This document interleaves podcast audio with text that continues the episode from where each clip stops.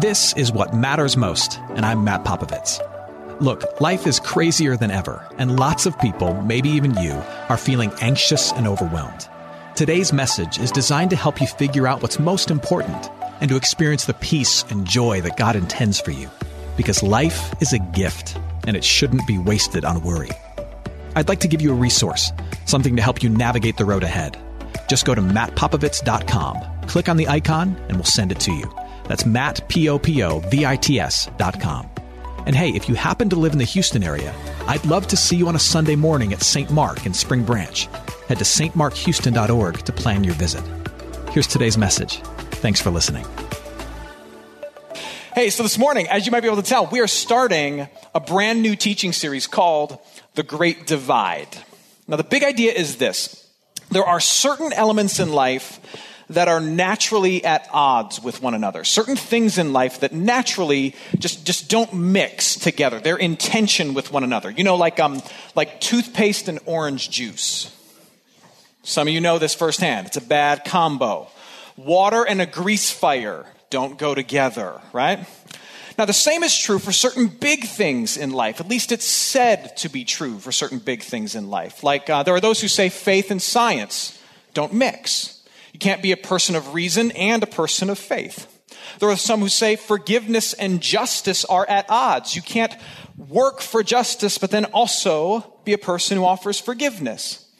Some would say the same thing about prosperity and generosity. You can't, you can't be prosperous in your own life and then seek to be um, benevolent in the lives of others. These are, these are at odds. You can't look out for yourself and bless other people we're led to believe that certain things don't mix. And then the end result is that when, when, when confronting certain big things in life, many people feel stuck. Well, in this series, what we're going to do is we're going to look at some of these classic tensions and see how the Christian faith frees us to see the world in a new way and gives us an understanding of our surroundings that bridges some of these great divides. And here's where we're going to start. Many people feel that there is a divide, a gap between work and fulfillment. A divide between work and fulfillment.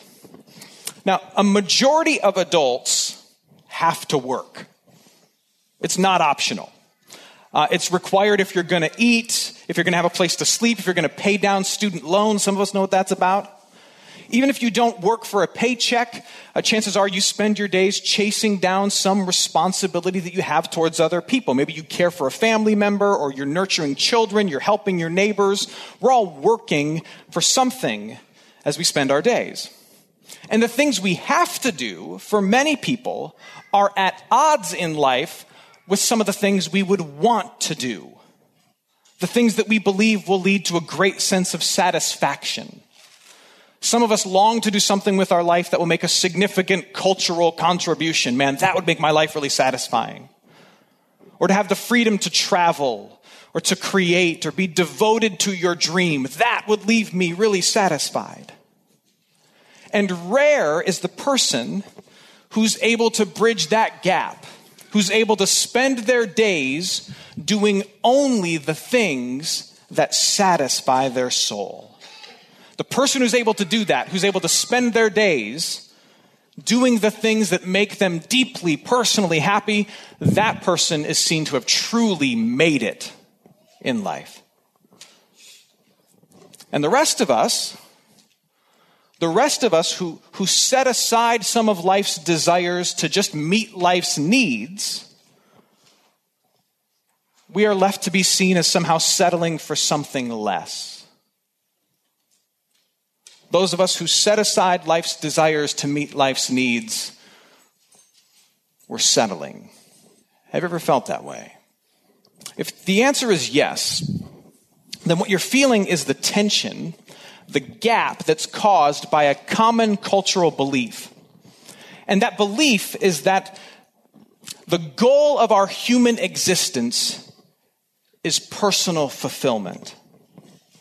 There's a common belief that the goal of human existence is to pursue your own personal fulfillment. And I would define personal fulfillment as exploring and indulging and satisfying your desires, whatever those desires might be.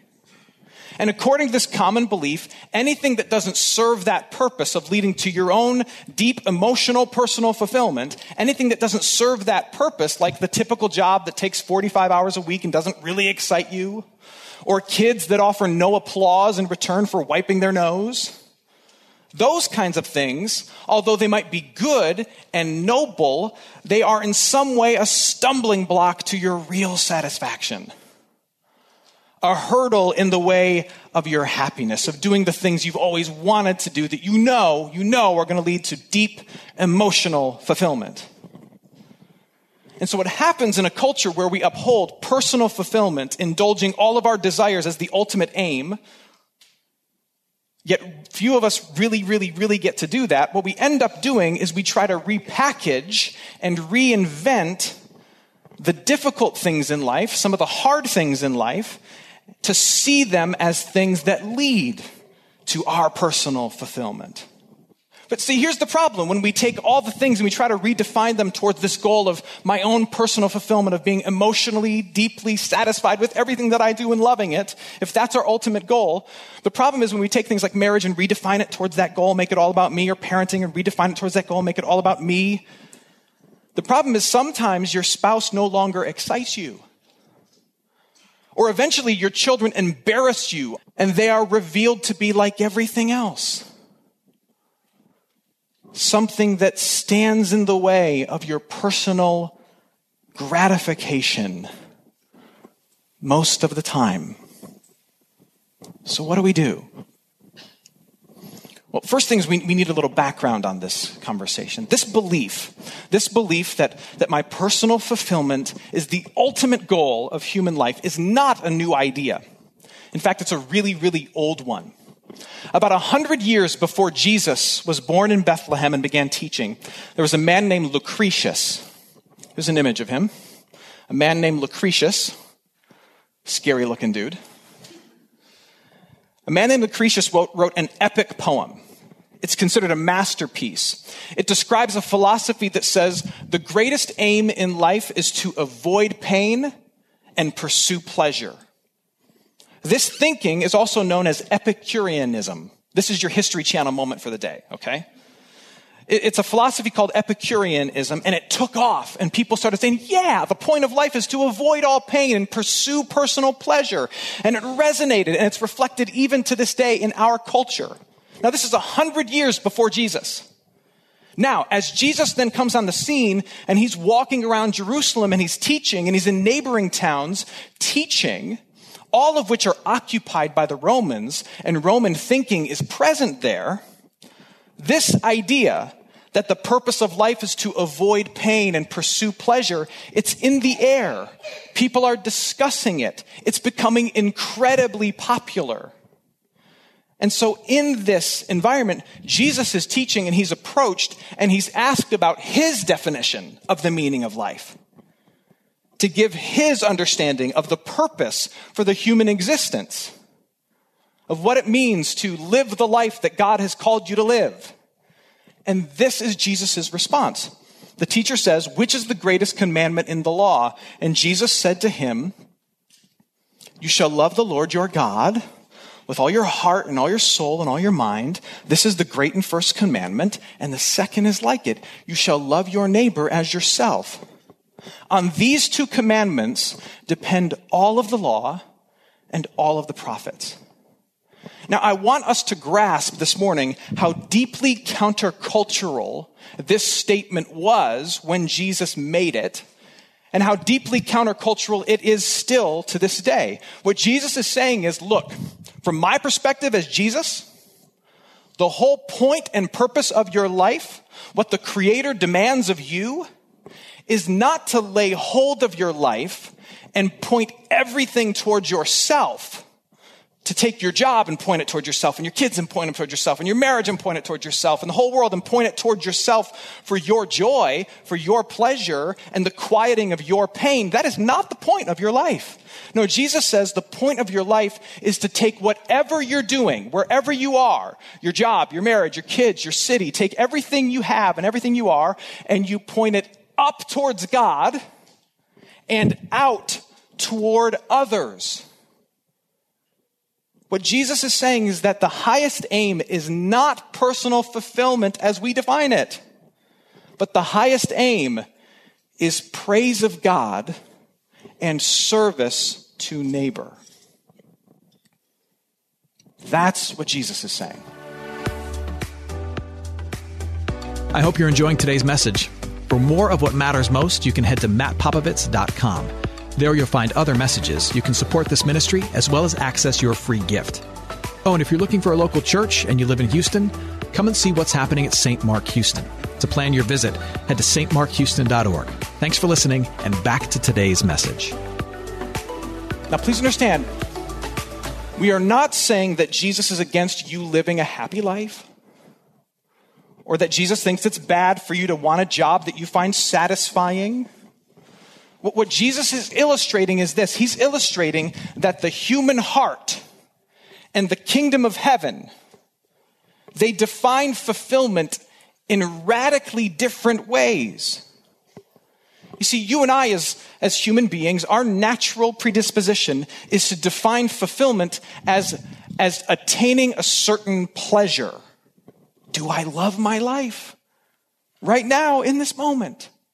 The answer's gotta be yes. That's fulfillment. Jesus defines fulfillment as living according to certain purposes. Regardless of how I feel, am I doing things in a way that gives praise to God and blessing to others? One way to live life is emotional and fleeting. It comes and goes and it forces me to make everything about me. And the other is a set of principles that can be lived out at any time, in any moment, in any job, in any circumstance. Let me give you an example of this. A few weeks ago, I was performing a, a committal uh, at a c- cemetery. Uh, this is where the remains of someone who's deceased are placed in the ground. And as I was performing this committal, I, I got to meet Jim. And when, when you're a pastor and you do a committal, um, guys like Jim and I, we work together. My job as the pastor in that moment is to love the family. His job is to, is to dig the holes and to bury the bodies. Jim is a grave digger. My task is to minister is to pray, is to share a few wor- words, is to help the family say goodbye. And then at the right time, Jim walks over very tastefully and respectfully, and he begins the process of placing someone's loved one into the hole that he has dug. That's how Jim spends 45 hours of his week. I would venture to guess that that's a hard job to make all about your personal fulfillment. Being a grave digger is hard work on every level. It hurts your back. You're digging holes. It breaks your heart. You're putting somebody's son or daughter in the ground multiple times a day. Being a grave digger is not a path towards personal fulfillment for most people. It gets in the way of that goal. But if you see this job through the lens that Jesus gives us, Suddenly, this job is different. Is it possible for Jim to do his heartbreaking and backbreaking work as an act of praise to God? Yes. As he pursues excellence in his task, that's an act of praise. As he labors with gratitude for the grace that he's been given, that's an act of praise by doing his job in such a way that he ensures a dignified burial for the person that he's laying to rest. He's honoring God's gift of life. He's honoring the beauty of the human body that God has created. It's an act of praise, all of it. Is it possible for Jim to see his work as service to others? For sure. He's helping families say goodbye. He's ensuring that a person is respected as they're laid to rest. Does it feel super good to Jim? Maybe. Does it look awesome to the rest of the world? Probably not. But does it bring beauty and good into the world that God deserves and that we need? Absolutely, it does. From Jesus' perspective, it's possible for Jim to see the tasks of his day as being rich in meaning and fulfilling deep purposes. Now, now let's pause for a moment. Rather than focus on what you do with your days, let's think about how you do the things you do in your days. Do you, do you tend to see your work, the way you spend the majority of your days, as, as simply part of a path towards personal gratification? Or also as a means for praising God and serving others? You see, in the Christian way of seeing the world, all work, all work has worth all work has dignity. Because all work, no matter how small, is made sacred when it's done in praise to God by the person offering it. And any work, no matter how celebrated, is central to the flourishing of other people. If you don't believe me, just imagine what would happen if every one of us, if all of us stopped working. Whatever we do, whether it's for pay or for not, whether it's at home, whether it's in, in the public square, whatever it is, imagine what would happen if we all stopped. Civilized life would quickly melt away. Food would vanish from the shelves. Gas would dry up at the pumps. Streets would no longer be patrolled. Kids would no longer be educated. Fires would rage. Utilities would go dead. The difference between the world you love and the wilderness we have crawled out of and we're all trying to avoid is one thing work. The basic level, the basic way in which we love each other as human beings is by doing our work. By writing software, by manning cash registers, by digging graves and baking cakes and shelving books and wiping noses. This is how we love each other. We create the world that supports each other. You see, for the Christian, the surefire way to miss the point in life is not to fail at finding pleasure,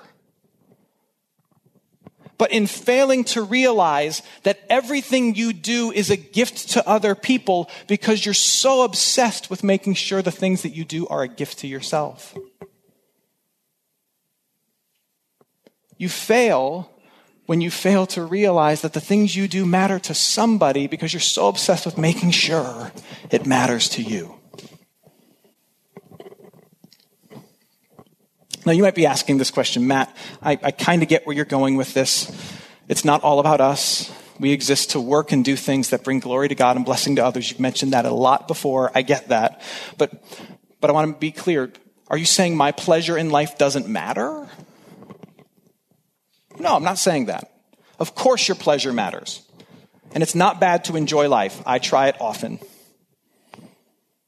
But I will say this